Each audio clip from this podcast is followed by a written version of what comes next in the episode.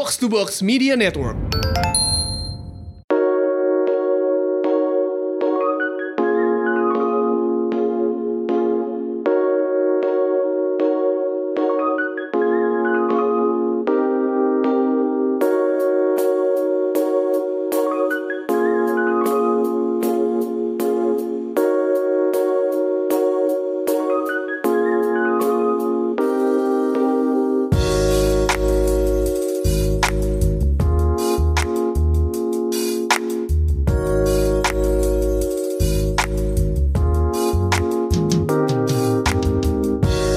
Unqualified episode ke-8 em, bersama saya Randi dan Gustika. kali ini kita nggak berdua aja kita, Kita bertiga. Yoi, silakan perkenalkan diri anda, hai tamu. Hai semuanya, nama gue Dima. Salam kenal ya. Oke, em, eh, Gustika eh, bilang mau ngundang Dima itu ketika kita tentang eh kita ngebahas tentang kegagalan. Katanya Dima itu gagal dua kali SNPTN atau zaman lu udah apa sih SNBP Waktu 2011 masih SNMPTN. SNPTN. 2012 SBMPTN. Itu apa sih maksudnya ganti-ganti gitu tuh? Gue pun bingung apalagi nggak pernah ikutan begini ya. eh. Oh lu lu sama sekali nggak pernah coba SNPTN ya?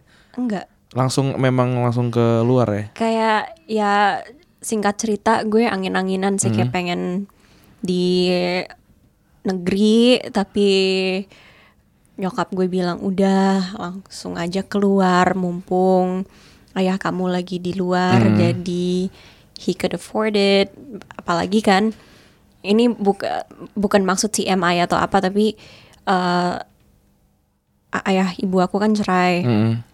waktu SMA aku SMP SMA entirely dibayarin ibu. Mm. Jadi kayak ini mumpung bapak kamu nih ada jabatan, udah kamu sana gitu loh. Ngerti ngerti nggak? Jadi that's Iya. the reason kenapa gue sampai keluar negeri. Oke. Not- it's not because I'm filthy rich or anything, tapi karena kayak ada kesempatannya gunakanlah itu nak gitu. nyokap Anyway, kalau tiba-tiba kita agak jumpy, kita lagi nunggu Wingstop kita belum datang, jadi nanti akan ada cut Iya. pasti. Masnya agak PHP gitu. Katanya udah on the way, ditunggu-tungguin gak datang-datang. Oke, Kayak kita- gue PHP. kita mulai dari Dima dulu kali. Dim lu gagal SNPTN dua kali gitu. Karena kalau gue em gue gue tadi gue udah cerita di di off airnya gue bilang gue tuh sekolah di sekolah yang 90% eh, sekolahnya keterima di negeri gitu. Em, dan di sekolah gue itu ada ada ada perlombaan yang yang ngaco sih sebenarnya. Jadi kita banyak-banyakan sekolah eh, dapat kampus negeri. Eh, jadi ketika di akhir di akhir masa kita ya di akhir masa kita sekolah nanti dibikin baliho tuh gitu. Jadi kayak wah Randi itu keterima di Undip, di UGM, di Unibrau, di segala macam segala macam segala macam gitu. Yang kita nggak tahu itu juga membuat teman-teman kita yang lain itu kehilangan kursinya karena eh, kayak gue tuh cuma gue jujur aja kayak kayak gue dapat itu cuma ya biar banyak nama gitu. Nah kalau lu gimana tuh dua kali gagal kenapa? Jadi kalau gue ceritanya adalah cita-cita gue dari kecil tuh pengen jadi dokter. Dan waktu dari 2011 itu gue udah coba em, daftar SBM SNMPTN undangan, SBM, dan itu semua tuh emang belinya kedokteran semua gitu. Dan karena mungkin dulu bokap gue dulunya dokter dan makanya ada em, sisi situ juga kayak gue tuh maksain banget pengen jadi dokter dan emang gue tuh udah usaha banget dari SMA tuh kayak udah ikut lomba segala lomba gue ikutin kayak olimpiade. Dan by the way, Dima tuh pinter banget dari SD. Dima kan uh, temen SD gue. Heeh. Dia ranking satu dari depan, gue dari belakang. Oke. tapi ya tapi ya ternyata ya mungkin kayak mungkin sisi arogansi gue juga kali ya kayak gue tuh dulu ngerasa nggak mungkin lah gue nggak keterima gila gue udah ikut olimpiade udah gini gini gini wah ternyata kaget banget tuh SNMPTN undangan nggak dapet eh, kedokteran. Terus kayak SBMPTN nggak dapet simak nggak dapet. Terus kayak ya udah kan gue kayak oh mungkin nggak hoki aja kali ya. Tahun depannya coba lagi pilihan yang sama lagi tetap aja nggak dapet juga. Jadi kayak waktu itu tuh malah jadi jatuhnya gue juga lumayan lumayan depresi sih. Dan kayak dari sisi sekolah juga pasti kayak kaget kan kayak buset nih kayak nih anak eh juara umum nih di sekolah kok masih juga nggak dapet PTN apa pun belum kuliah selama 2 tahun gitu. Itu kan juga rapor jelek juga buat sekolah kan? Benar benar benar. gitu. Terus kayak akhirnya em gue tetap ujian lagi eh, sampai akhirnya tahun ketiga gue coba em, milih pilihan lain selain kedokteran yaitu FKM UI akhirnya gitu. Cuma sempat depresi banget karena gue nggak bisa daftar PTS teman-teman gue banyak yang masuk kedokteran lewat PTS tapi dari keluarga sendiri dari keluarga gue sendiri tuh nggak mampu untuk bayar eh, kedokterannya swasta yang semahal itu jadi kayak jadinya ya gue mencoba tetap PTN walaupun gak jadi dokter akhirnya Iya dan eh, nyokapnya Dima kan single mom kayak nyokap gue. Hmm. Jadi eh, bokapnya Dima itu meninggal waktu lo kelas 2 Iya, ya. eh, kelas 1 SD Kelas 1 jadi SD. Empat Berarti tahun. sebelum gue masuk SD tugasku. Mm-mm, Iya. 4 tahun. Gue gue juga punya temen yang kuliah di FKUI 2010 Em, itu ka- kalau dia sih emang emang keras banget usahanya em- emang keras banget maunya juga karena sekeluarga itu memang keluarga dokter FKUI gitu. Jadi eh, dia dia juga ada kayak anjir gue harus masuk situ gitu. Dan dia masuk situ akhirnya em eh, Gustika mau ngambil eh, ini Wingstop btw Bentar ya. Iya. Kalian ngobrol aja, iya. aku ngambil Wingstop. Eh, jadi eh, gue itu eh teman gue itu jadi kayak emang berusaha banget dan dan akhirnya keterima untungnya keterima Em, dan ya apa namanya ya kayak gitu ada emang ada tekanan untuk untuk masuk FKUI kalau kalau lu kenapa tekanannya kenapa Hmm, tekanannya karena em, sebenarnya itu adalah keinginan nyokap gue dan keluarga gue, nenek gue semuanya pengen gue jadi dokter dan ngerasa gue mampu karena gue olimpiade biologi gitu dulu. Aha. Dan gue pun juga suka biologi kebetulan pelajarannya. Makanya gue milih plan keduanya FKM karena nggak jauh-jauh dari kesehatan juga. Mhm. Gue punya passion berarti di tahun ketiga pun di tahun terakhir kan setahu gue eh, ijazah kita cuma bisa dipakai tiga kali ya Yes, benar banget. cuma bisa dipakai tiga kali eh, apa namanya eh, di tahun ketiga pun lu tetap nggak dapet FK tapi untungnya keterima di eh, Plan FKM tapi di tahun-tahun sebelumnya lu nggak lu nggak naruh pilihan kedua? Plan keduanya FKG kayak pernah gue pilih FKG atau kayak dulu kayak agak-agak ya itu arogansi gue jadi gue milihnya plan pertama FK plan kedua FK atau nggak plan pertama FK kedua FKG yang sama-sama kayak juga dikit juga gitu. Dan lu lu FK harus FKUI lagi. ya Yang kalau di dulu apa sih namanya tuh eh, peringkat apa sih itu namanya tuh? Eh, passing grade. Passing grade. Passing grade kan gila-gilaan kan, Parah, parah. Gue juga dulu tuh di sekolah gue kan eh, diajarin ya cara milihnya gitu kan. gue gue tuh setiap kali dapet apa hasil skor itu gue tuh harus eh, pilihan gue tuh kayak HI HI HI gitu kan. Dan, dan gue kayak pede gue bisa nih HI padahal gue kuliah eh kerja eh kerja sorry SMA gue IPA gitu. Gue gue mikir eh, kalau gue ngotot banget ini gue gak akan dapet nih gitu. Gue gak akan dapet. Em, dan satu sisi lain bokap gue itu bilang eh, ya cowok harusnya teknik. Eh, cowok harusnya teknik dan lu harus dapat lu harus teknik sipil karena tahun itu tahun 2010 ketika lu lulus harusnya 2014 presiden baru presiden baru akan banyak membangun dan banyak membangun membutuhkan banyak eh, insinyur atau teknik orang-orang yang bisa membangun eh, kayak gitu dan lu lu saat itu nggak akan kesulitan untuk dapat pekerjaan gitu. Terus kayak gue berpikir kayaknya "Hmm, benar benar juga ide ide dia gitu. Tapi gue juga tidak meng, eh, tidak menghapus mimpi gue untuk eh, di HI gue milih HI yang gampang HI Unibrau gitu. 2010 tuh angkatan satu jadi gue dapet. Oh oke. Mm, di situ gitu. HI itu kayak ini kan FK-nya IPS nggak sih? Itu susah FK-nya banget. bener FK-nya IPS sama komunikasi tinggian HI pasti ngerti ya iya tinggian HI Heeh. susah banget. Bener dan terus kayak waktu itu tuh gue inget eh di gue gue ulang tahun tuh di 11 April. Eh, 11 April 2010 umur gue 18 berarti waktu itu. Pengumumannya Undip itu di tanggal 11 ta- di tanggal 10 malam. Wow tanggal 11-nya itu eh, simak UI 2010.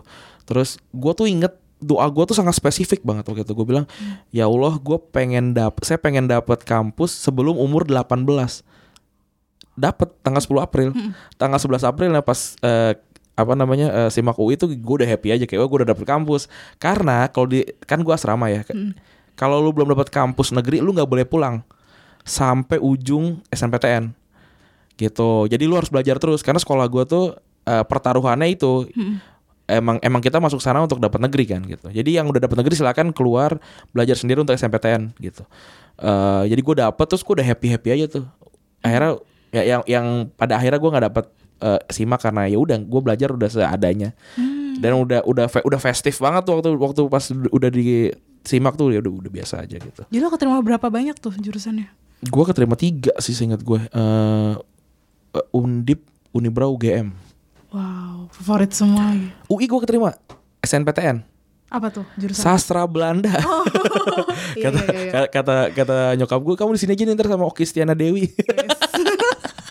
Ada gitu. Jadi eh, kalau eh, teman-teman yang yang apa sih yang gagal di SNPTN, mohon maaf gue gue tidak pernah merasakan gitu. Tapi gue merasakan kegagalan-kegagalan lain setelah hidup gitu. Dan kalau tentang tentang kampus negeri dan swasta di gue kayak ada perasaan waktu zaman dulu kayak gue sama sekali tidak mau eh, swasta gitu. Kalau lu gimana? Sama itu kayak rasanya tuh malu gitu loh kalau misalnya lu dapet satu swasta. Iya iya iya. Kayak nggak tahu stigmanya dulu tuh kayak gitu ya. Kayak pokoknya PTN pasti sukses, kalau swasta tuh dipertanyakan. Bener. Padahal kayak lu merasa gak sih setelah kita mulai kerja ini kayaknya udah nggak Udah nggak ada gitu kayak, kayak. gitu ya. Kayak gue gue ketemu sama anak-anak yang eh, kampusnya biasa aja gitu. Biasa aja in terms of kayak karena karena gue tuh sama sekali tidak searching kampus-kampus itu gitu bahkan Em, apa namanya tapi gue buktinya gue kerja sama orang yang dulu ke- kuliah di eh, kampus swasta gitu Eh, yang sebenarnya nggak ada nggak ada bedanya tapi mungkin ego kita gede banget waktu itu Iya, ya kayak benar. gitu Em, dan ego juga kita, eh, ego sekolah, ego orang Benar, tua ya ego? Hmm. orang tua juga. Karena em, di di keluarga besar gue em, yang masuk negeri pertama itu abang gue. Eh, dia waktu itu di Unibrau terus pindah ke Unsut. Terus em, saat itu setelah itu gue dan adik gue dan yang lainnya memang tidak ada yang di negeri gitu. Toh juga pada akhirnya sekarang-sekarang bisa pada ngasih makan keluarganya juga kok yang swasta gitu. Em, jadi memang yang tadinya gue pikir itu akhir dari dunia ternyata enggak ya.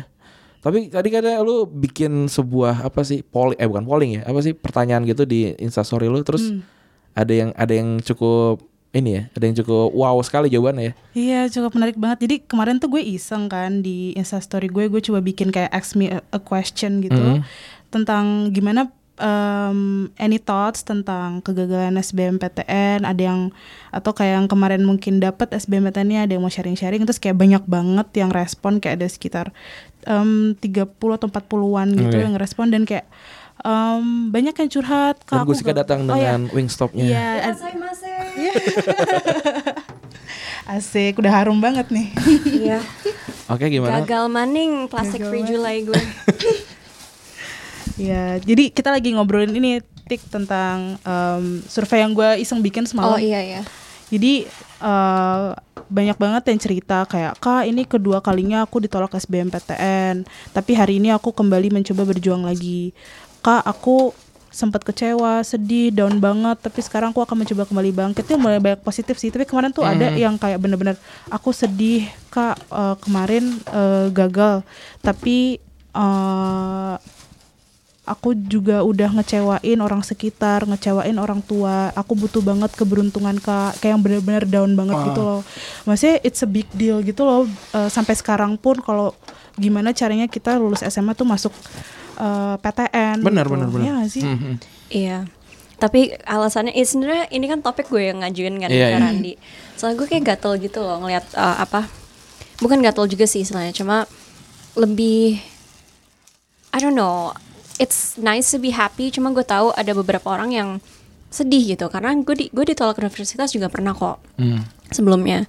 And it was like quite heartbreaking. Dan gue tahu beberapa orang ada di dalam posisi itu. Mungkin mereka nggak mau muncul nggak mau apa mereka ya gitu deh. Apalagi muncul dengan apa sih em, komentar-komentar jangan lupa kalau misalnya udah masuk kuliah kamu harus lakukan ini ini ini ini. No if you, kalau lo nggak kuat it's not good for your mental health gitu. Dan apa ya kegagalan itu sesuatu yang normal yang semua orang akan laluin. Jadi kegagal ini tuh bukan ke- ke- kegagalan pertama kalian gitu. Mungkin ini kegagalan besar pertama yang kalian akan laluin sih. Itu aja. But um, semua tuh pasti ada hikmahnya. Mungkin I don't know I, I don't think it's appropriate for me to speak on behalf of Dima tapi since Dima is here dia kan uh, tadinya pengen jadi dokter. Tapi kalau misalnya dia keterima tuh jadi dokter apakah mungkin dia bakalan kerja di UN gitu. Jadi there's something bigger gitu loh di behind everything.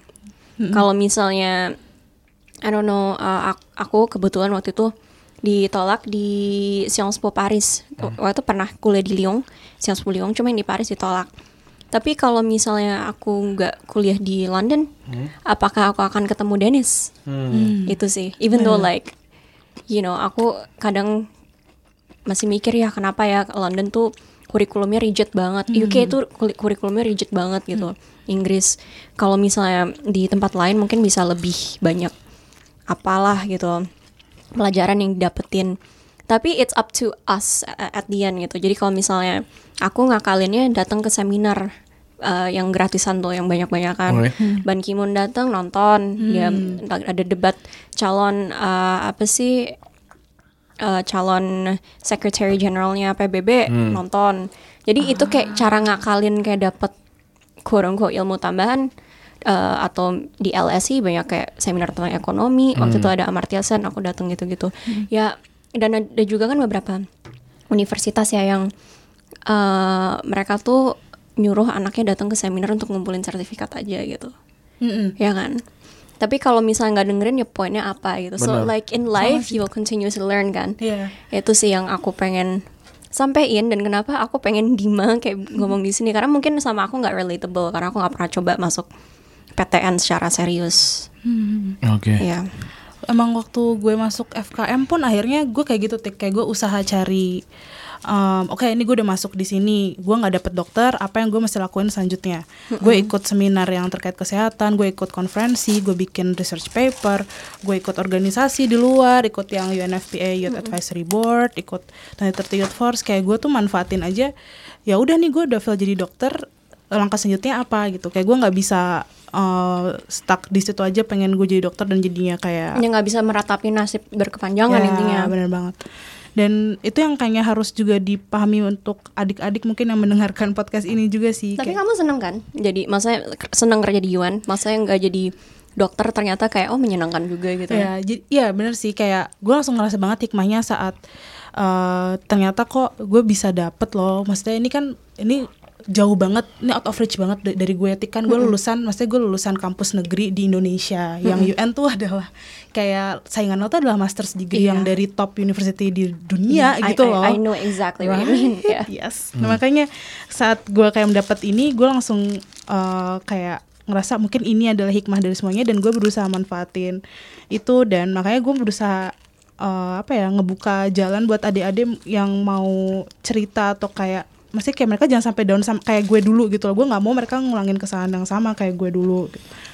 Em, lo ada yang baca nggak tweetnya Vice Enggak. yang kayak em, jangan sed- jangan sedih eh, yang nggak keterima SMPT. Gue lupa lebih tepatnya kayak gimana. Oh, Pokoknya jangan, tahu jangan masih sedih. banyak cara untuk bunuh diri. Iya. Tapi itu eh, bukan vice, itu kayak pelesetannya gitu Oh lah. gitu.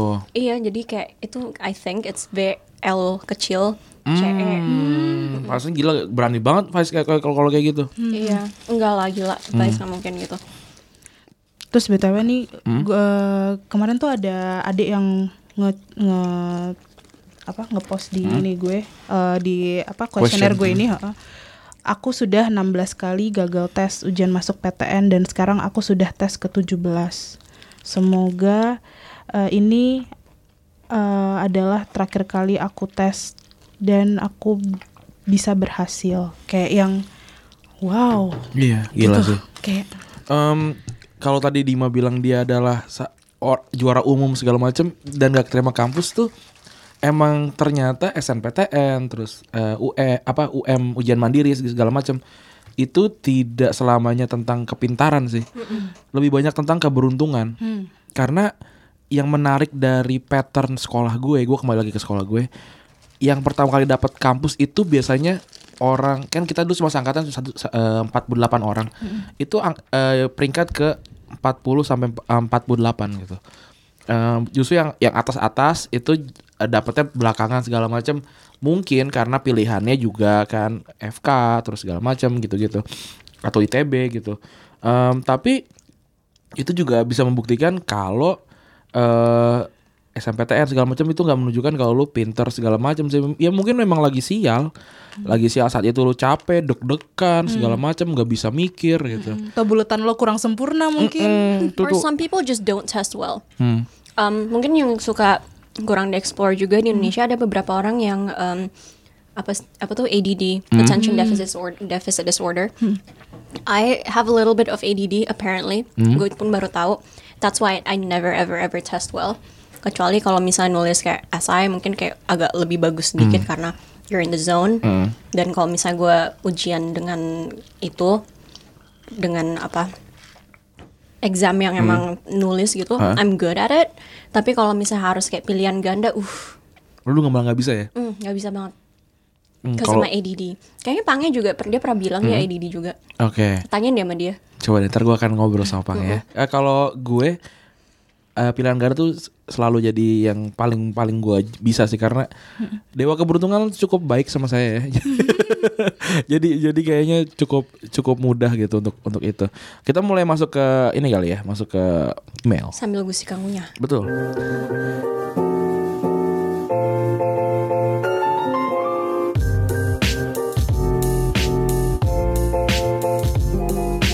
Dari pertama dari seseorang em, kita sebut saja Mbak Mbak Undip nih kan aku Undip ternyata.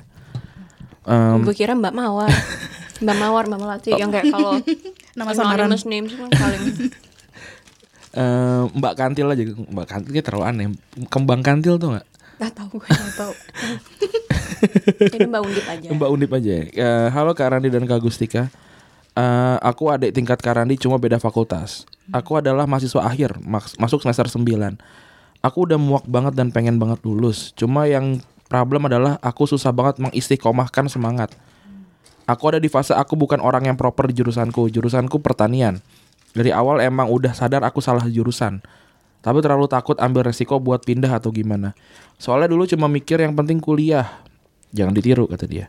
Dan ditambah lagi aku dapat beasiswa terikat gitu. Awalnya pengen nyoba sat- eh, satu atau dua semester. Tapi kalau misal mau ngundurin diri mesti ganti uang beasiswanya. Jadi nggak mau nggak mau akhirnya aku lanjutin sampai sekarang. Makin tahun makin ngerasa pengen ngulang waktu waktu eh, ngulang waktu sambil mikir kenapa dulu nggak ngambil yang berbau kimia atau bahasa Inggris.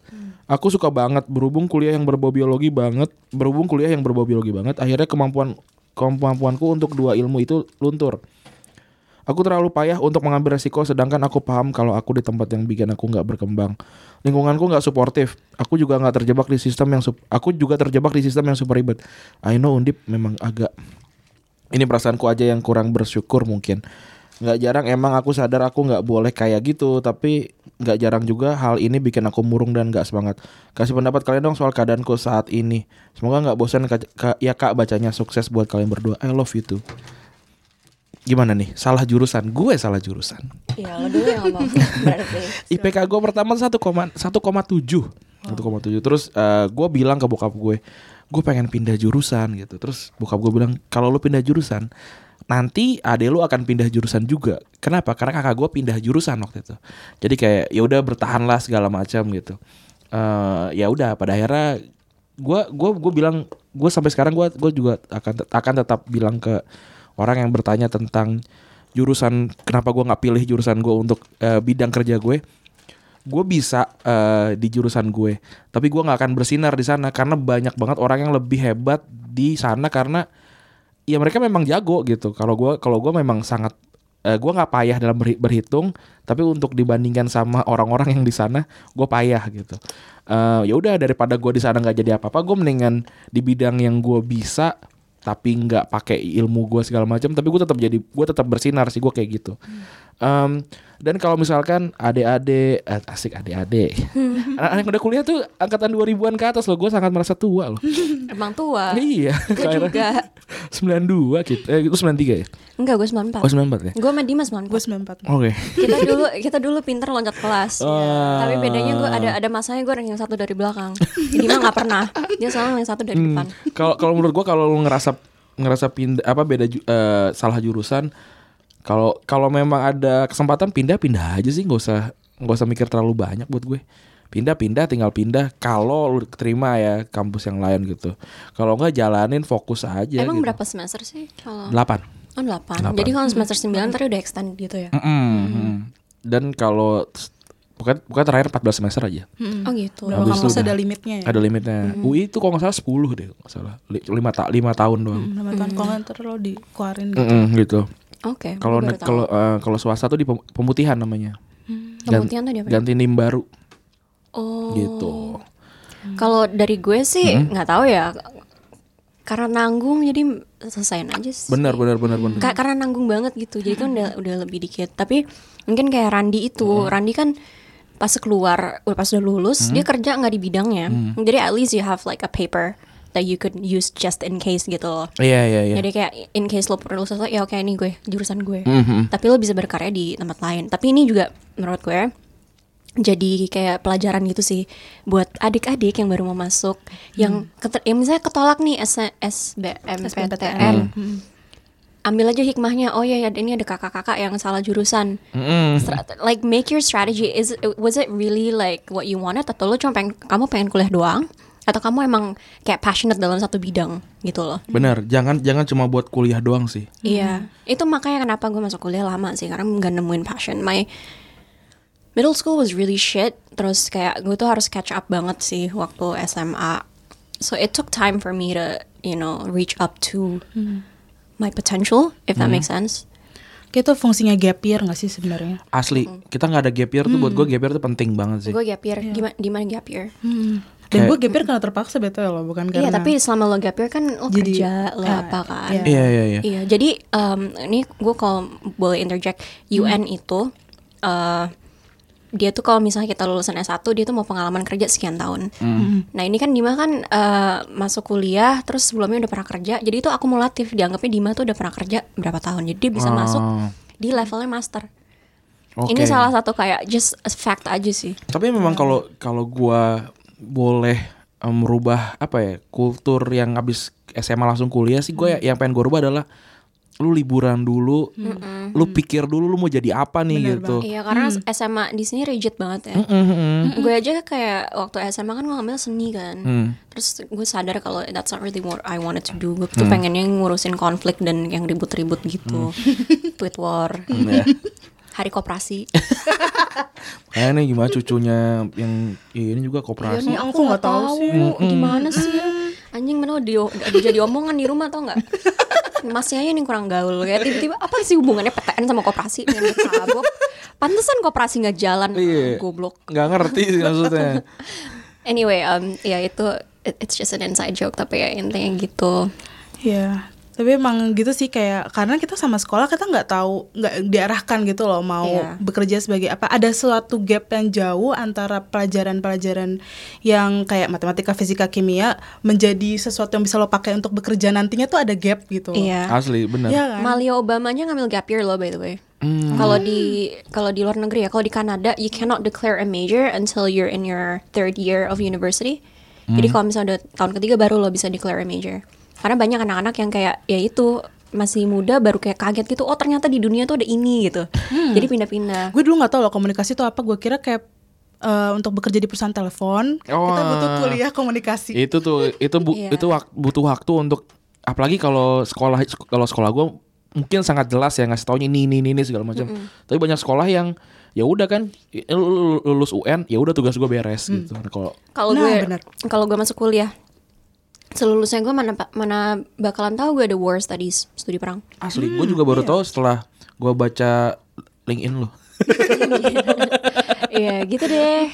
Jadi ambil hikmahnya aja. Tapi uh, for uh, Mbak ini Mbak Undip push through sih menurut menurutku ya. Masa I know it's gonna be really hard, but life is hard. Lo bakalan nemuin kayak apa sih hal-hal yang membuat lo jenuh di dalam hidup lo. Tapi lanjutin aja gitu. Iya. Karena gue pun kuliah jenuh loh waktu war studies karena Eurocentric banget kan pelajarannya. Jadi gue kayak apaan sih ini lagi gue nggak peduli apa yang terjadi di Eropa tahun apa 14 ribu sekian sebetulnya. I'm not gonna use it tapi kayak ini gitu. Gue setuju sih sama Gustika kayaknya emang mendingan push through aja dan nantinya juga kerjaan lo juga belum tentu akan sama Iya. dengan jurusan lo. Karena nanggung banget. Lain kalau lo masih tahun pertama, Iya. gitu tahun kedua itu baru kayak gue ngerti lah. Tapi ini kayak tinggal dikit lagi. Dan gue rasa lu pinter karena lu dapat beasiswa. Iya. Iya. bener. Mungkin experience kerja di yang pertama yang nanti akan mengarahkan dia akan kerja di mana. Bener. nantinya. Iya sih? Iya. Gitu kita lanjut ya ke email selanjutnya.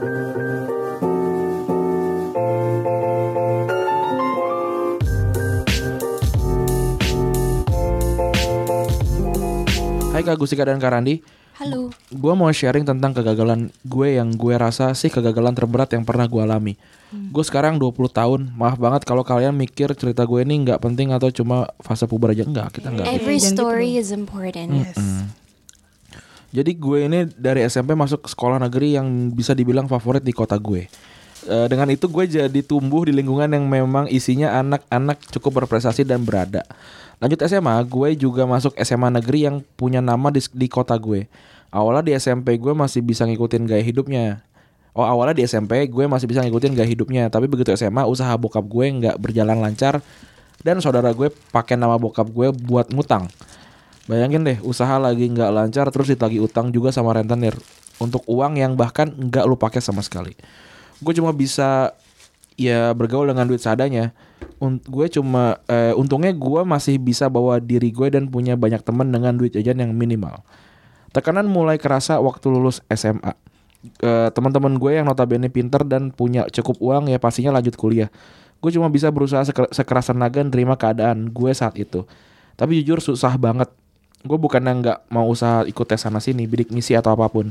Gue sudah coba dan sayangnya gue masih gagal. Pun kalau gue keterima kuliah pasti pengeluaran gue makin banyak dan bokap nyokap nggak bisa provide karena tanggung jawab mereka banyak untuk adik gue yang masih SD dan kakak gue yang autis. Bayang, bayang bayangin kalau gue kuliah kuliah ongkos gue pun juga pasti makin banyak eh ini berulang gak sih oh enggak banyak udah mutlak banget bokap nyokap nggak bisa provide di situ gue benar-benar jat- sejatuh-jatuhnya gue narik diri dari teman-teman gue sekitar 1-2 tahun karena gue ngerasa ngerasa sampah banget Eh, gue juga dapat tekanan dari rumah karena susah banget dapat kerjaan waktu itu. Nyokap bokap bener-bener yang neken gue harus dapat kerja di saat gue masih stres dan belum bisa move on dari keadaan itu. Makin stres lah gue. Bokap nyokap di rumah selalu nyindir gue karena gue cuma jadi parasit di rumah.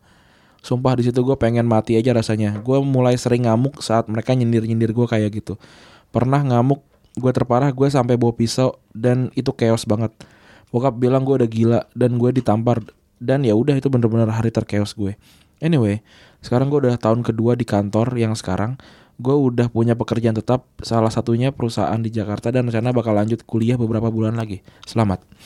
Dan yang paling bikin gue senang adalah akhirnya gue sudah bisa membuka diri lagi setelah sekian lama mengasingkan diri dari teman-teman gue.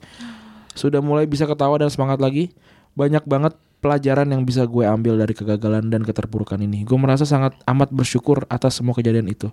I just found out that I have bipolar disorder beberapa bulan belakangan ini setelah diagnosis sama psikiater Oktober 2018. But I feel blessed, teman-teman gue nggak ada yang anggap gue aneh dengan embel-embel bipolar. Mereka justru malah yang support gue banget untuk selalu check up dan minta obat. Malah bokap nyokap yang menantang gue ke psikiater karena menur- menurut mereka gue cuma being childish, kurang bersyukur, kurang sholat, dan buang-buang duit. Mending duitnya buat mereka aja katanya. My ass. Maaf kalau kepanjangan ya Kak Gustika dan Kak Randi Gue juga nggak tahu sih apakah kalian ini bakal dibacain Dibacain Terima kasih kalau akhirnya kalian memilih untuk bacaan di podcast kalian Sukses terus Kak Randi dan Gustika Semoga banyak pendengar Unqualified juga selalu semangat menjalani hari-harinya Terima kasih yang sebanyak-banyaknya karena sudah bikin Unqualified Gue senang banget tiap dengar suara Kak Gustika Jadi suara gue enggak nih Hashtag kode. Suara gue kan soothing kan. ASMR. Ini ASMR gue lagi makan. Tambah lagi nge- ngecap lagi makan lagi nih Gimana tuh? Em, selamat udah mau diterima di universitas dan selamat udah dapat kerja. Hmm. Gimana ya? Eh, Ya nggak nggak tahu mau komentar apa juga sih Ran. Karena ini sebuah bukti bahwa kegagalan itu nggak selamanya kayak ya I don't know ngebent buk, ya kegagalan ngebentuk lo. Tapi you're not defined by it. I don't know I don't know if you know what I mean. Cuma kayak ya intinya dia bisa move on dan ini mungkin cerita inspiratif buat teman-teman yang dengerin. Dan adik-adik yang gagal SBMPTN dan juga yang suka nyinyirin soal kayak lo kan kaya masa sih bisa eh, kena eh, ke- masalah keuangan ya ini salah satunya. Life is not always smooth.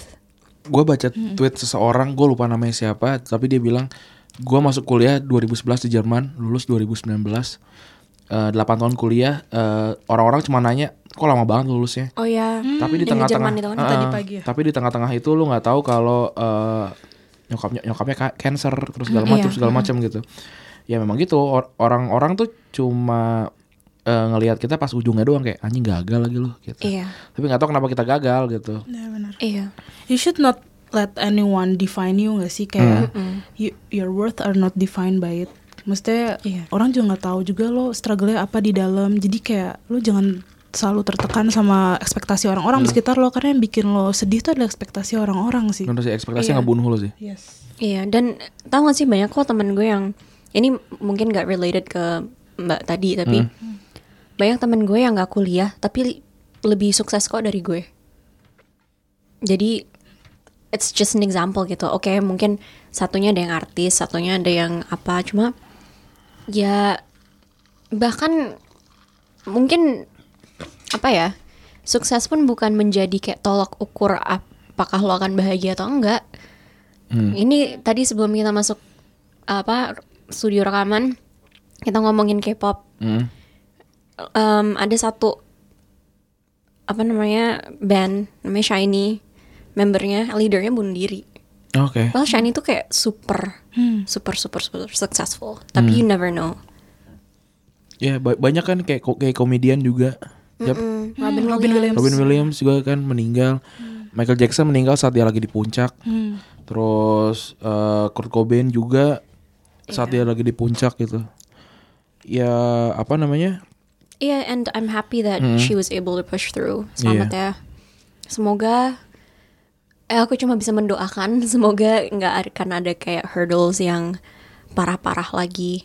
Pasti akan ada kayak ya beberapa hurdles yang apa ya? mem- how do I say it? Like the, the hurdles that stumble you like along the way. But I hope it wouldn't be like huge that you would, you know, suffer like you did before. And it's great that you're standing up to your parents and you know Kalau ini ini anal- analisis gembel gue sih. Gue gue rasa orang tuh punya ini gue rasa hidup tuh kayak game. Eh, lu tuh punya jatah sial dan jatah eh, untung eh beruntung tuh sama gitu. Iya. Eh, sama sama semua orang gitu. Tergantung kapan dan gimana lu ambilnya gitu. Jadi kalau misalkan lu sial sekarang beruntun segala macam, ya bersyukurlah. Misalnya jatah sial lu udah habis nih. Tinggal beruntung beruntung beruntungnya doang. Tapi beruntungnya juga nggak nggak dapat jatuh dari langit. Sial kan juga nggak jatuh dari langit kan. Ya lu harus kejar gitu. Jadi kalau kalau yang merasa kayak "Ah, anjir hidup gue sial banget, teman-teman gue udah udah duluan gitu ya. Ah, hidup kan bukan marat, bukan bukan lari ya, bukan sprint ya. Hidup Kalau kata, maraton. Heeh, kalau kata mak gue tawakal. Apalagi eh, apalagi di umur 25 tuh 25 tuh umur yang Eh, krisis banget sih. umur yang sangat menarik gitu. Ada yang belum lulus kuliah, ada yang udah jadi udah jadi Founder startup. Iya, udah kayak gitu. Iya anjir gue umur 25 tuh kayak bingung banget. Temen gue udah pada kayak popping out babies Ah, gitu. iya. Terus ada yang kita belum nikah. Terus ada yang eh, apa namanya udah S2 Sedangkan gue baru lulus tahun lalu. Iya. Ada yang eh, apa namanya udah jadi CEO Ada yang masuk pemuda Pancasila Tahu kan siapa ya Ada yang ada yang masih belum jadi apa-apa juga gitu. Ya hidup hidup mah bukan Life is not a race ya. Iya. Iya ada yang ya gitulah karena terlalu tajir jadi hidup dari bapaknya Iya. Dan bapaknya juga nggak apa-apa Tapi gue bisa relate banget sih sama Mbak yang tadi tuh dia menjauhkan diri dari uh, Teman. pergaulan. Nah. Karena gue juga dulu ngurung diri banget waktu Wah. setahun dua tahun gue di rumah. Teman-teman gue sampai komentar kayak Dim, lu masuk ke gua ya kemarin. Di kontak nggak bisa diajak main nggak mau. Yang itu malah jadinya karena lu nggak ada teman-teman lo yang support lo, lo jadinya depresi sendiri dan jadinya ngancurin diri lo sendiri sebenarnya. Jadi untuk teman-teman yang lagi ngalamin ini jangan ngejauh sih dari teman-teman kamu kayak pasti teman-teman kamu kalau tulus pasti akan selalu ada buat kamu mau kamu gagal atau kamu sukses. Jadi justru mereka adalah support system kamu dan tentunya jangan jauh dari keluarga. Ini dia balik lagi ke teman-teman dia. Ada beberapa temen yang kayak seneng liat lo gagal kan sih? Asli ada ada ada gue Iya. tahu. Jadi like or like during that time you'd find out who your real friends are. I Ya, think. benar. Iya. Ke, so- ke filter sendiri. Filter sendiri ujung-ujungnya kayak apa ya? Mungkin awalnya ada yang jealous kayak Dima kan selalu ini ini contoh aja kayak Dima juara apa segala macam. Terus gagal masuk F FK FKUI terus kayak dianggap oh ya udah emang gitu doang sih nah, nah, misalnya. Itu ujungnya ujungnya pasti ke filter sendiri. Iya, jadi ya. Karena sebenarnya hidup juga udah ada porsinya gak sih? Kayak Iya. hidup tuh kayak roda kehidupan di mana yang kayak Randi bilang tadi lo ada masanya di atas ada masanya di bawah dan semuanya ada porsinya masing-masing gitu kalau lo kadang-kadang gagal kadang-kadang sukses jadi kayak Iya. jangan membandingkan diri lo sama orang lain Iya, Kayak maksudnya aku kemarin tuh yang waktu aku sama Dima kan ada di TED Talk ya. Aku ngomongin soal menjadi apa ya? Kayak a disappointment dan di dalam hidup you will disappoint people, you will disappoint yourself, you dis you will disappoint your parents, you will disappoint your friends. Tapi disappointment atau kayak mengecewakan orang itu bagian dari hidup, termasuk mengecewakan diri lo sendiri. Iya. Jadi jangan terlalu kayak memukul diri kalau misalnya kayak lo tuh apa namanya? ya mengecewakan gitu ya udah lo ngecewain orang sekali sekali ya it's fine Hidup- itu itu di mana lo belajar Iya, kalau nggak pernah nyoba sih nggak bakalan nggak nggak seru. Iya I'm a great disappointment and I'm proud of it so ini dari tadi gue ngomong Inggris mulu nanti diprotes lagi kayak podcast sebelah maaf Oke, kita lanjut ya.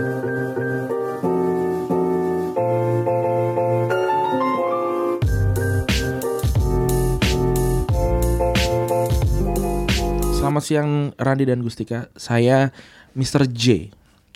G. oh Mr. G J. Saya mau share cerita ini. Saya anak kedua dari lima bersaudara dan semuanya laki-laki. Kebayang gimana beratnya orang tua saya merawat kami. Dari sejak kami SD dididik dengan didikan militer yang zaman dulu masih sangat-sangat wajar. Eh, seperti dipecut pakai sabu lidi dan lain-lain. Singkat cerita, tiga orang anak sudah bekerja termasuk saya. Tapi entah kenapa saya merasa di umur saya yang 27 ini, saya merasa gagal dalam pekerjaan saya yang saya rasa ke- karena memang sejak dahulu hidup saya tuh disetir sama orang tua dan pilihan jurusan kuliah sehingga dar- dari pilihan kuri- jurusan kuliah sehingga saya bekerja enam tahun tidak sesuai passion saya. Saya kuliah jurusan akuntansi sedangkan sa- jiwa saya tuh jiwanya pengen pekerjaan teknik yang sering ke, ke lapangan merantau karena bosan kalau dekat orang tua tuh ad- gimana sih ini bacanya? kalau bosan ka- ka- kalau dekat orang tua tuh ada lima anak kebayang udah besar-besar kan. Hmm, dan ayah saya tidak membolehkan saya untuk keluar rumah entah dengan alasan apa. Pekerjaan saya ap- saya apa yang harus pertanyaan saya apa yang harus saya lakukan dengan semua ini? Apakah saya harus tetap bersyukur dan bersabar dalam menjalani kehidupan ini? Saya ingin mengejar mi- minat saya dalam membuka usaha sendiri yang sebenarnya saya nggak ada pengalaman sama sekali. Tapi saya sangat tertarik dalam dalam untuk menjalaninya. Karena saya selalu ingat dalam ajaran agama saya rezeki itu 99% dari berdagang dan 1% itu rezeki dari pekerjaan yang lain. Terima kasih sebelumnya Randi dan Gustika. Saya pendengar setia dari Bandung. Kalau main ke Bandung kabarin ya, kita ngobrol-ngobrol sambil bertukar pikiran. Se- Sehat selalu dan sukses selalu untuk podcast Unqualifying-nya. Terima kasih. makasih aku mau jawab yang kedua dulu bersyukur itu perlu selalu selalu tapi maksudnya kalau memang merasa apa buruk atau di bawah gitu. Dan kenapa meratap gitu itu manusiawi. Tapi bersyukur itu selalu perlu sih menurutku. Tapi dalam konteks ini I think you should you're 27 you're an adult. You should do whatever you want sebetulnya.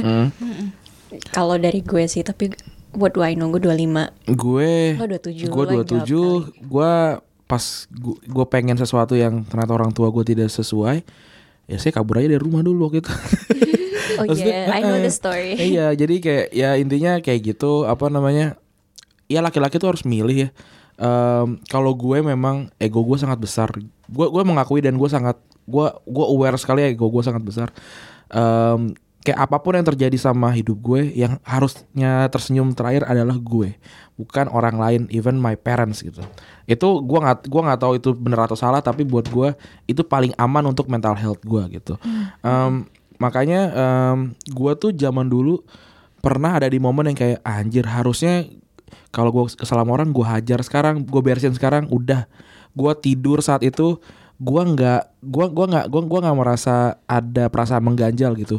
Yang ternyata buat gue masalah tuh selalu selalu harus diberesin. Kalau enggak dia akan terus datang dia akan terus bergulung bergulung bergulung. Di masa depan dia akan datang dengan masalah yang gede banget gitu. Nah gue waktu itu melakukan itu. Gue gua ketemu masalah itu gue kabur. Nggak apa namanya sampai pas eh, dia datang dengan yang lebih besar gitu. Sekarang eh, kalau gue pengen ya gue kerjain. Eh, tapi kadang-kadang orang tuh kayak gue mau kejar passion gue mau kejar minat gue gitu. Hati-hati. Lu tahu nggak passion passion itu apa? Lu lu tahu nggak minat itu apa gitu? Kadang-kadang orang tuh cuma eh gue nggak gua nggak tahu ini semua atau enggak tapi banyak yang kayak gue pengen ngejar passion gue di melukis gitu misalkan. Tapi lu nggak tahu hidup tuh bukan bukan cuma tentang tentang ngejar passion tapi lu harus makan gitu. Eh ego ego ego lu jangan jangan segede gitu hanya untuk eh, quote and quote ngejar passion sih gue gue kira gitu. Kalau menurut lu gimana?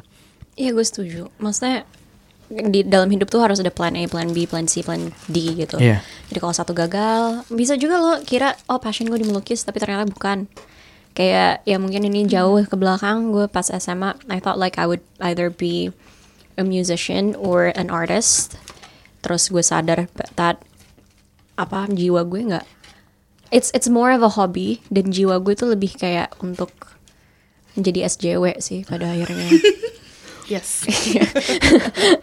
sorry sorry. Bayangin deh SJW lingkungan nongkrong bareng gitu di ko- di coffee shop, nggak pakai sedotan tapi eh, gelasnya gelas plastik. Terus makannya Nutella pakai eh apa namanya? Makanan roti bakar pakai Nutella gitu. Wow, sangat SJW yang yang bertolak belakang sekali. Iya, itu bukan gue untungnya. Enggak tapi ya ya gitu sih. Jadi pada akhirnya uh, passion gue tuh kayak di policy sih. Mak- Makanya sekarang di UNFPA dan by the way Dima yang rekomendasi gue masuk UNFPA. No, you earned it. Ya, but you with your recommendation as well. Um, ngurusin selangkangan kebetulan kalau di UNFPA itu kan. Yang seru pokoknya. ya sexual health, mental health, um, comprehensive sexual education. Itulah, maksudnya kayak gue nemuin passion gue walaupun kayak you know sex isn't like what I think about 24/7, tapi the fact that aku bisa influence policies surrounding sexual health is like interesting to me dan gue baru sadar kalau apa kayak passion gue tuh di policy. Ya, di- takes time kan buat takes time. Iya, maksudnya kayak gue dulu kayak aku pengen masuk HI, tapi gue nggak tahu masuk HI itu jadi apa, jadi dip- diplomat kagak mau. Ngeliat bokap gue pindah tiga tahun sekali, kayaknya lelah, melelahkan bener gitu kan. Terus pengen di UN kenapa gitu? Kalau orang bilang UN karena institusi besar apa? No, like where do you want to work Yes. in it gitu kayak apakah lo mau di bagian ekonominya, di bagian politiknya, di bagian legalnya itu kan semua beda-beda. Jadi kayak finding your passion takes time. Jadi gue setuju sama Randi dalam hal ini. Passion gue menjadi SJW. Jadi ya. Ya. Dan menurut gue juga dia masih muda.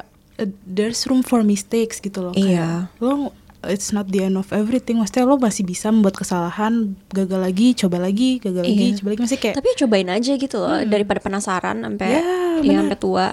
sama belum ada yang bisa ngelimit lo kan. Misalnya kayak belum ada tanggungan mungkin jadi bisa. Iya, itu dia. Maka that, that's actually the reason why kenapa kan uh, Dennis cowok gue, dia kuliah di, uh, di apa dia sorry dia bukan kuliah di kerja di Belanda.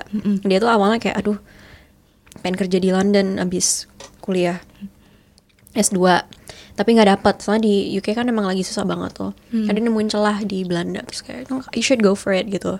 Gue kebetulan emang gue bukan tipe cewek yang clingy enggak aku mau dek- kamu deket aku. Dan dan- I'm like no lo belum tang lo belum punya tanggungan. You do whatever the fuck you wanna do. Lo kerja di luar di sana dia beli beli Harley riding mulu gitu kan. Kayak dia emang dia perlu kasih gue uang atau kayak punya bayi enggak kan? Jadi kayak ya udah lo hambur-hamburan aja uang buat hobi lo. And then setelahnya baru kayak you know you meet up in the middle tanggung jawabnya di mana. Ini mumpung mas ini seumur pacar saya juga kan Dennis akan 27 tahun ini jadi ya I don't know d- jangan mau dikekang terus sih sebenarnya kayak Iya.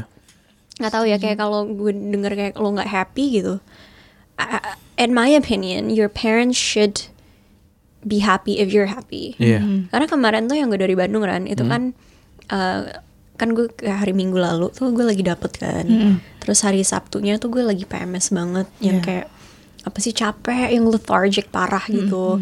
Terus eh, ke Bandung bokap gue itu ngomong sama nyokap gue ternyata. Jadi kan gue udah naik ke atas. Terus bokap gue ngomong nyokap gue itu Gusti kenapa aku kayaknya tidak happy hidupnya? Ngapain hidup kau tidak happy? Kayak gitu. Terus gue kayak anjir gue diomongin Karena sepanjang sepanjang hari tuh kayak lu bete banget kali. lebih kayak lesu sih sebenarnya. Gue nggak bete, cuma gue dikira gue tuh bete. Tapi gue tuh yang kayak lo Dim lo tau kan kalau lagi lagi sehari Iya, sebelum dapet tuh banget, gimana yang kayak badan lo Makanya ada sakit. cuti haid yang sempat lo bahas juga. Iya, kayak lo tuh maunya tidur. Terus bener kan kayak yang gue rekaman tuh telat tuh gara-gara Sakit gue perut. sakit perut. Oh, Oke. Emang lagi kayak gak enak banget tapi itu jadi bok uh, kayak orang tua gue tuh mereka concerned for my happiness and I think your parents should be concerned you know for your happiness as well karena ya gitu. Yang penting komunikasi sih. Yang penting Iya. lo bikin mereka ngerti kalau apa tujuannya lo beralih karir seperti ini dan apa plan lo sama lo bisa ngejelasin kalau plan lo udah Iya, rapi. benar. Ini ini gue boleh Pasti ngomongin BTS lagi nggak? Kenapa? silakan silakan. Ya, jadi Ada kok nge-DM gue kayak aku suka Kak Gustika ngomong BTS. Ya bagus. Kenapa kenapa Anda tidak gitu DM ke Gustika malah ke DM ke saya gitu. ya kebetulan DM saya ditutup bang. oh iya benar, iya benar Oh, iya, benar benar iya, benar benar. benar, benar. ya udah kapan-kapan dibuka deh terus kayak soalnya gue kayak nggak pernah buka DM as I told you tapi iya jadi Sugar itu dulu tuh kayak sampai depresi segala macam. Juga RM kayak RM tuh dulu dia tuh kayak IQ-nya dia kan 140 berapa gitu.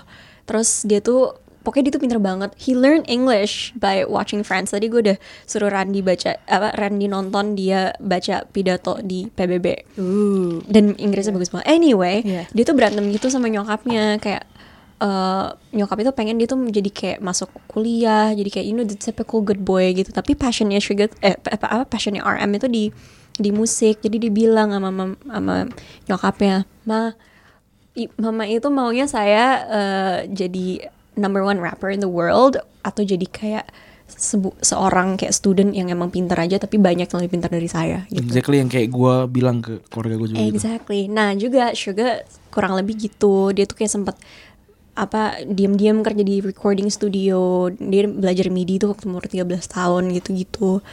Pada akhirnya orang tuanya kayak sekarang tuh kayak bangga gitu loh sama dia sampai ada satu konsernya di mana kayak dia ngelihat orang tuanya di di crowd gitu terus kalau orang Korea tuh suka kayak apa sih kalau kita sungkeman kalau ini kayak nyembah gitu kayak kesujud Oke yang gitu. kayak orang Jepang gitu ya, yang nundukin badan gitu. Iya, dia sujud gitu karena dia orang tuanya. Sama kayak si Jin juga. Jin itu bilang eh, eh, tiap kali nyokapnya ngumpul sama teman-temannya eh, nggak pernah ngomongin Jin, sedangkan kayak teman-temannya nyokapnya tuh kayak pada apa pamer gitu anak saya udah gini gini gini gini. Terus dia, kayak di panggung itu dibilang semoga sekarang ibu bisa bangga sama Oh saya. keren. gitu. Dan orang tuh yang bangga sekarang. So, siapa yang nggak kayak Iya. bangga sama BTS Makanya kalau kalau menurut gue ya lu harus ngasih tahu sih plan lu kayak oke gue akan keluar dari sini. Plan gue kayak gini, kayak gini, kayak gini, kayak gini. Yuk kita diskusi apakah plan gue akan berjalan dengan lancar. Em, ya dan dan kayak lu juga harus bilang sih kayak plan gue gak akan berjalan dengan lancar kalau lu nggak nggak restuin gitu karena karena again di agama kita Islam ya restu orang tua tuh segalanya gitu lu lu mau usaha kayak gimana juga Iya. eh, restu tuh ya penting gitu Iya kayak gue pernah ngambek sama nyokap gara-gara dia mau dia nggak bolehin gue naik gunung. Hmm. Terus gue nyaris nggak naik gunung gara-gara dia nggak restuin kan. Terus dibolehin makanya gue hari naik gunung. ya daripada ntar kenapa-napa kan iya, tapi gue ngambek dulu akhirnya udah bolehin. Hmm, Kayak gitu. Oke, kita lanjut ya.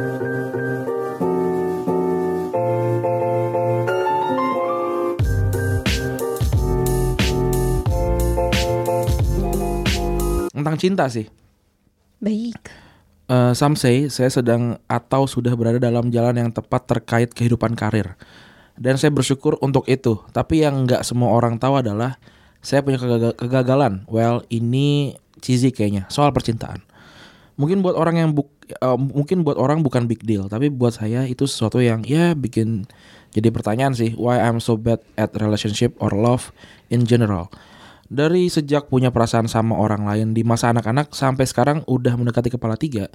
Ada banyak yang nggak pernah kesampaian gitu. Aku sudah merasakan semua dari cinta bertepuk sebelah tangan, ditinggal nikah, bro zone, friend zone, abang zone, kakak kelas zone dan seterusnya. Entah kenapa banyak eh, bahkan ketika udah pacaran dengan seseorang pun gue selalu kayak berlari mengejar. Gue yang pergi untuk berupaya bukannya gimana-gimana, tapi rasanya tiap gue yang mesti effort untuk membangun sesuatu bahkan ketika gue ketemu orang yang gue pikir adalah duan dan kita juga sama-sama nyaman satu sama lain. Ya hubungannya nggak jelas. Kalau kayak kata Han Solo kecui waktu mau lewatin Death Star mah casual flight. Mantap. Hubungan yang tera- hubungan terakhir gue nggak jelas. Padahal sebelumnya gue yakin dia adalah yang terbaik. Eh gue bingung apa yang salah dari gue meskipun ya selalu menyadari bahwa diri ini bukan tipe yang menarik di mata perempuan. Bullshit banget lah ketika ada orang yang bilang kalau nggak melulu soal penampilan.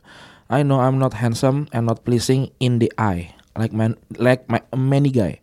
I know gue bukan tipe cowok yang asik. Gue sadar gue cenderung membosankan. Ngomongin duit apalagi belum ada apa-apanya ini. Bahkan dalam satu waktu dalam perjalanan dari Jakarta ke Bandung gue pasrah banget. Ya wis lah kayaknya emang nggak akan ketemu duan kayak orang-orang, nggak akan ngerasain love eh, yang kayak orang-orang bahkan untuk udah ngerencanain eh, kalau nggak nikah pun nggak apa-apa. Di situ gue ngerasa gagal, ngerasa hancur banget. Eh, kok gimana, kok gimana banget nih hidup? Apa gue nggak berhak buat bahagia? Buat sebagian orang mungkin bukan per- permasalahan akut, tinggal ubah diri jadi lebih baik dan seterusnya. Nanti ketemu. Eh, tapi kupikir kalau gitu relationshipnya bakal transaksional nggak sih? Eh, dia baru mau kalau gue misalkan udah lebih kaya dan lebih ganteng. Kalau gue nggak ganteng dan kaya gimana? Until I met her, the one who is my wife to be. Yang ini lengkapnya buat tema yang selanjutnya. Mantap. Anyway, thank you sehat-sehat kalian. This podcast help people a lot. Terima kasih. Ya gitu, kegagalan-kegagalan tuh ujungnya memang ah, Iya. bahagia sih. Pokoknya kita mau nyemangatin orang hari ini. Iya benar. benar sekali. Iya. Iya benar. Kayak gitu. Lu lu pernah ke- ada kegagalan tentang cinta? Anda kalian berdua? Eh, Kalau gue relate banget sih karena gue em, single dari lahir ceritanya. Jadi kayak ya begitulah. Iya, gue pernah put, gue pernah putus, jadi itu gagal gak sih? Enggak ya? Tapi gagal Iya, yang memper- mempertemukan gue dengan Dennis. Iya iya. ya sebelumnya gue pacaran empat setengah tahun putus, sebelumnya lagi satu tahun putus, sebelumnya lagi dua bulan, udah itu doang. Tapi intinya gitu sih, kayak ya Tapi makasih lo udah sharing ceritanya jadi gue tahu ternyata one day akan ketemu ya. Benar, benar, benar, benar. iyalah, Motivasi gue jadinya. iyalah gila siapa yang gak mau sama Dima? Oh iya, pintar. Uh, udah pinter, Aduh please guys jangan terku terbang. kerja keras, cantik, Hmm. apalagi pinter, bingung gue. Kriterianya apa sih? Tapi ada ada momen yang kayak lu ngerasa nih gara-gara apa gara-gara gue terlalu terlalu di atas sampai cowok-cowok nggak berani nih deketin gue gitu. Sering banget. Eh, nggak apa-apa itu namanya seleksi alam. Hmm. Karena gue ngobrol kan sama Dennis kayak kalau dia tuh kayak nggak apa-apa gitu misalnya gue lebih pintar dari dia, gue lebih apa. Yang dia nggak suka cuma netizen sih. Kenapa? Jadi benci aja sama netizen kayak dia nggak suka kalau misalnya kayak ada yang apa I'll marry you gitu kayak dia tuh jijik gitu jijik Cemburu, sih nggak cemburu. jijik Jijik. kayak ngerasa gue tuh di objectify gitu Hmm. Dennis kan feminis tuh gue putus akhirnya nemu pacar feminis feminis Yes. tapi dia uh, He for she. kebetulan bukan SCW Dia nggak main Twitter gitu ya? Eh, dulu main Twitter Oh, Sekarang udah nggak. Eh, kadang buka tapi enggak Eh iya kebetulan dia bukan SCW karena dia kerja di sebuah perusahaan Tapi kelapa sawit tapi tentang cinta kita kan ada bahasan tentang cinta sih. Ini suara gue full mulut gue full makanan btw. iya kayak hamster Eh, iya kita ada bahasan tentang cinta minggu depan kayaknya Mm. Dennis mau ke sini jadi bakalan gue jebak untuk rekaman Nice. gitu ngomongin LDR dan lain-lain dan ya gitu deh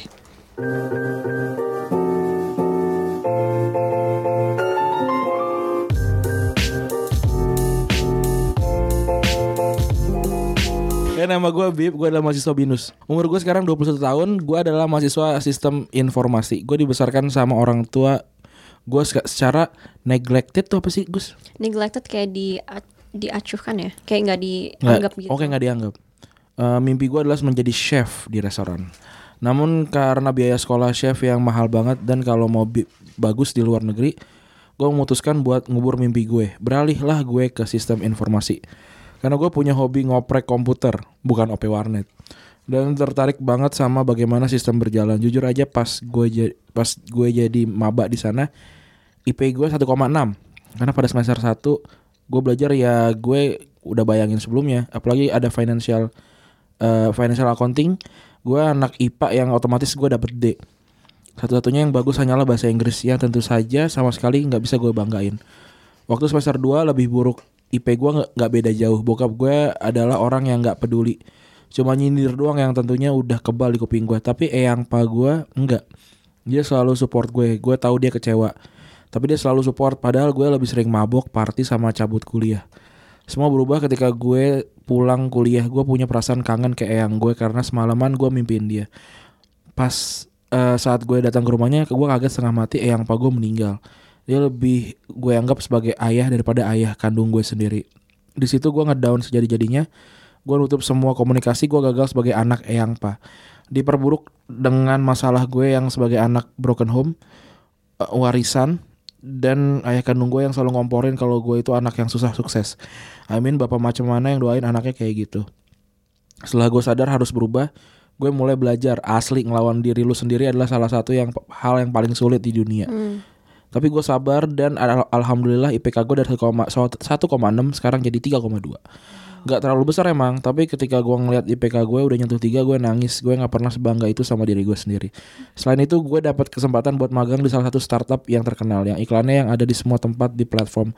Sayangnya yang pak gue gak bisa tahu kalau gue bisa berubah. Gue sering banget cerita ke makamnya saat masa-masa gue berubah Di saat itu gue sadar ketika lu udah merasa paling bawah Paling dalam gak ada jalan selain naik ke atas Lu harus berubah Thanks buat Mas Randi dan Kak Gustika Kalian adalah orang baik Terima kasih Wow. Bener cuy. Kalau udah paling bawah lu nggak ada pilihan lain. Lu dari bottom rock ya udah ke atas nggak ada pilihan lain. Bener. Yes. Iya. Jadi ya mungkin emang kadang-kadang jatuh jatuh ke jatuh sejatuh jatuhnya tuh adalah pilihan yang lebih baik dibandingin jatuh setengah-setengah gitu. Iya. Gitu sih. Eh gua gua belum pernah sih jatuh sejatuh jatuhnya tapi eh momen-momen ketika gua harus ngelawan apa yang keluarga gua mau gitu itu mungkin jadi salah satu momen yang bikin gua down. Em, ya eh gua gua gua rasa Eyang Palu udah happy anak cucunya j- udah jadi orang yang baik. Gimana kalau menurut lu berdua? Iya. Em, Ya memang sih, maksudnya em, kalau misalnya lo udah di bawah ya berarti Tuhan akan ngasih jalan buat lo untuk meluncur ke atas karena kayak you deserve it gitu, kayak lo udah ngalamin semuanya dan pokoknya percayalah mesti pasti akan ada jalan yang lebih eh, baik lah untuk eh, dirimu ke depannya. Gimana Tik? Iya pokoknya kan ada satu quote yang bilang Tuhan gak akan ngasih kita cobaan yang kita nggak bisa hadapin. Yes, Itu bener banget sih. Hmm. Ya, Jadi Hmm. Ya nggak nggak tahu sih mesti komentar apa karena ini lebih kayak gue dengerin cerita dan gue merasa terinspirasi dibanding ya Ini ada cerita lain nih lumayan seru nih. Ini yang gue cari ternyata. Jadi.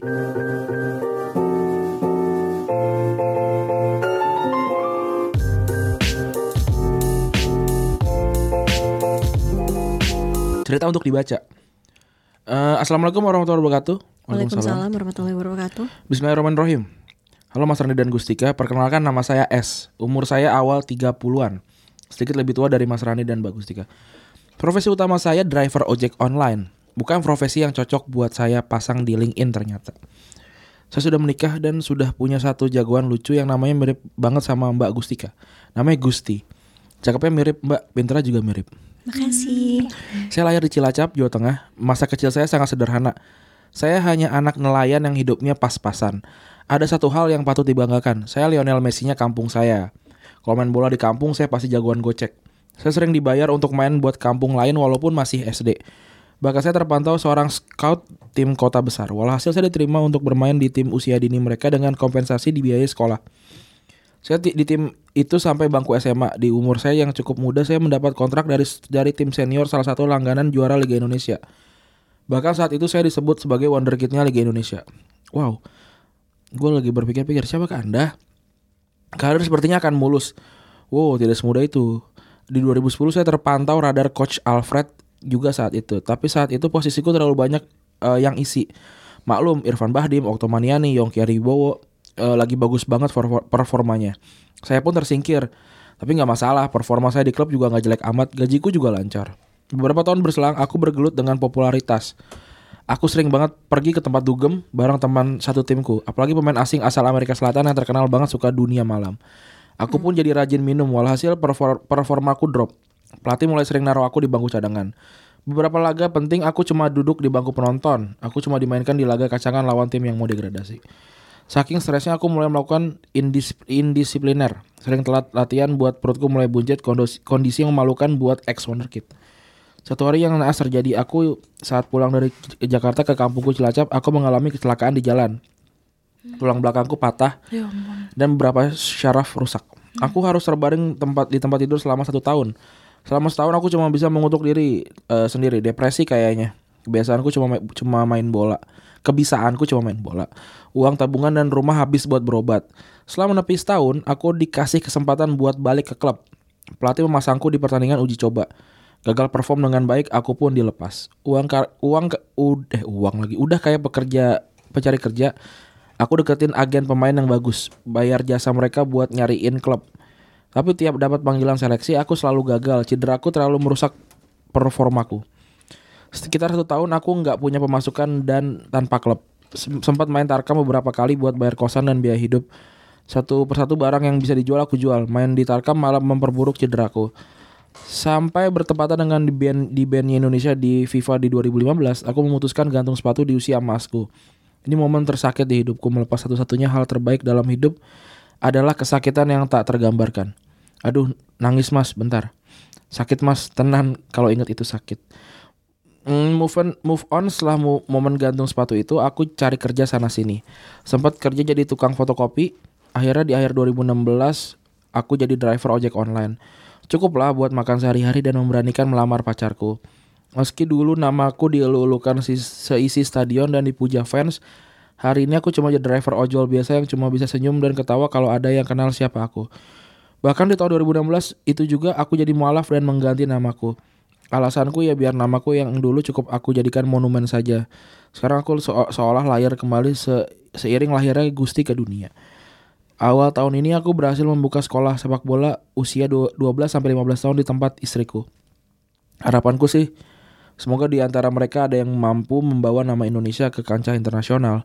Aku pun sempat membantuin federasi scouting anak-anak berbakat di pelosok Indonesia. Mengikhlaskan cederaku tentu bukan hal yang mudah. Apalagi kalau lihat Mas BP, Haji Ismet, Hamka Hamzah masih main. Duh kepengen rasanya bisa melawan mereka lagi. Tapi hikmah yang saya dapat lebih dari cukup untuk melanjutkan hidup dengan bahagia bersama keluarga kecil saya. Bahagia sekali berbagi ba- berbagi bareng Mas Randi dan Bagus Tika. Tolong rahasiakan identitas saya. Semoga Mas Randi tetap bisa istiqomah ngobrolin bola. Saya sebenarnya kepingin sih ngobrolin bola bareng Retropus. Boleh dong, boleh DM saya. Eh boleh eh, email saya ke email saya ya. Doakan saya bisa mengantarkan anak didik saya ke pentas dunia. Amin. Mereka layak dapat kesempatan itu karena saya percaya infrastruktur olahraga di Indonesia masih jauh dari layak. Bahkan Lionel Messi pun kalau hanya jadi pemain semenjan akan, akan jadi pemain semenjana kalau layak dan hidup di Indonesia. Wa- Waalaikumsalam warahmatullahi wabarakatuh. Wow, Wow. amin keren banget. Oh ini mah nggak usah dikomenin kita. Kita inspired. Iya sudah. Iya, makanya inspired banget. Mm-mm. And it kind of reminds me of one of my best friends, Dika. Uh, dia pindah ke Inggris umur 12 tahun. Dia udah main kayak di semi pro gitu. Terus dia cedera, terus dia nggak bisa balik lagi untuk main. Dan sekarang dia baru lulus S1, dia jadi apa dia pokoknya ngambil sport science dan dia pelatih anak-anak di QPR di Queens Park Rangers London. di London ya.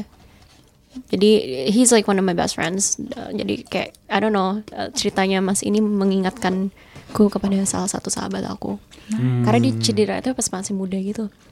Coba deh uh, cari Dika Sudaryanto, DYK Sudaryanto. Pasti ketemu gitu di internet di kayak pernah ngapain aja sih. Tapi kayak cederanya tuh sayangnya pas dia masih muda. Tapi untuk uh, apa anak 12 tahun pindah ke luar negeri sendirian dititip gitu kan sama house parents, I don't think it was easy for him.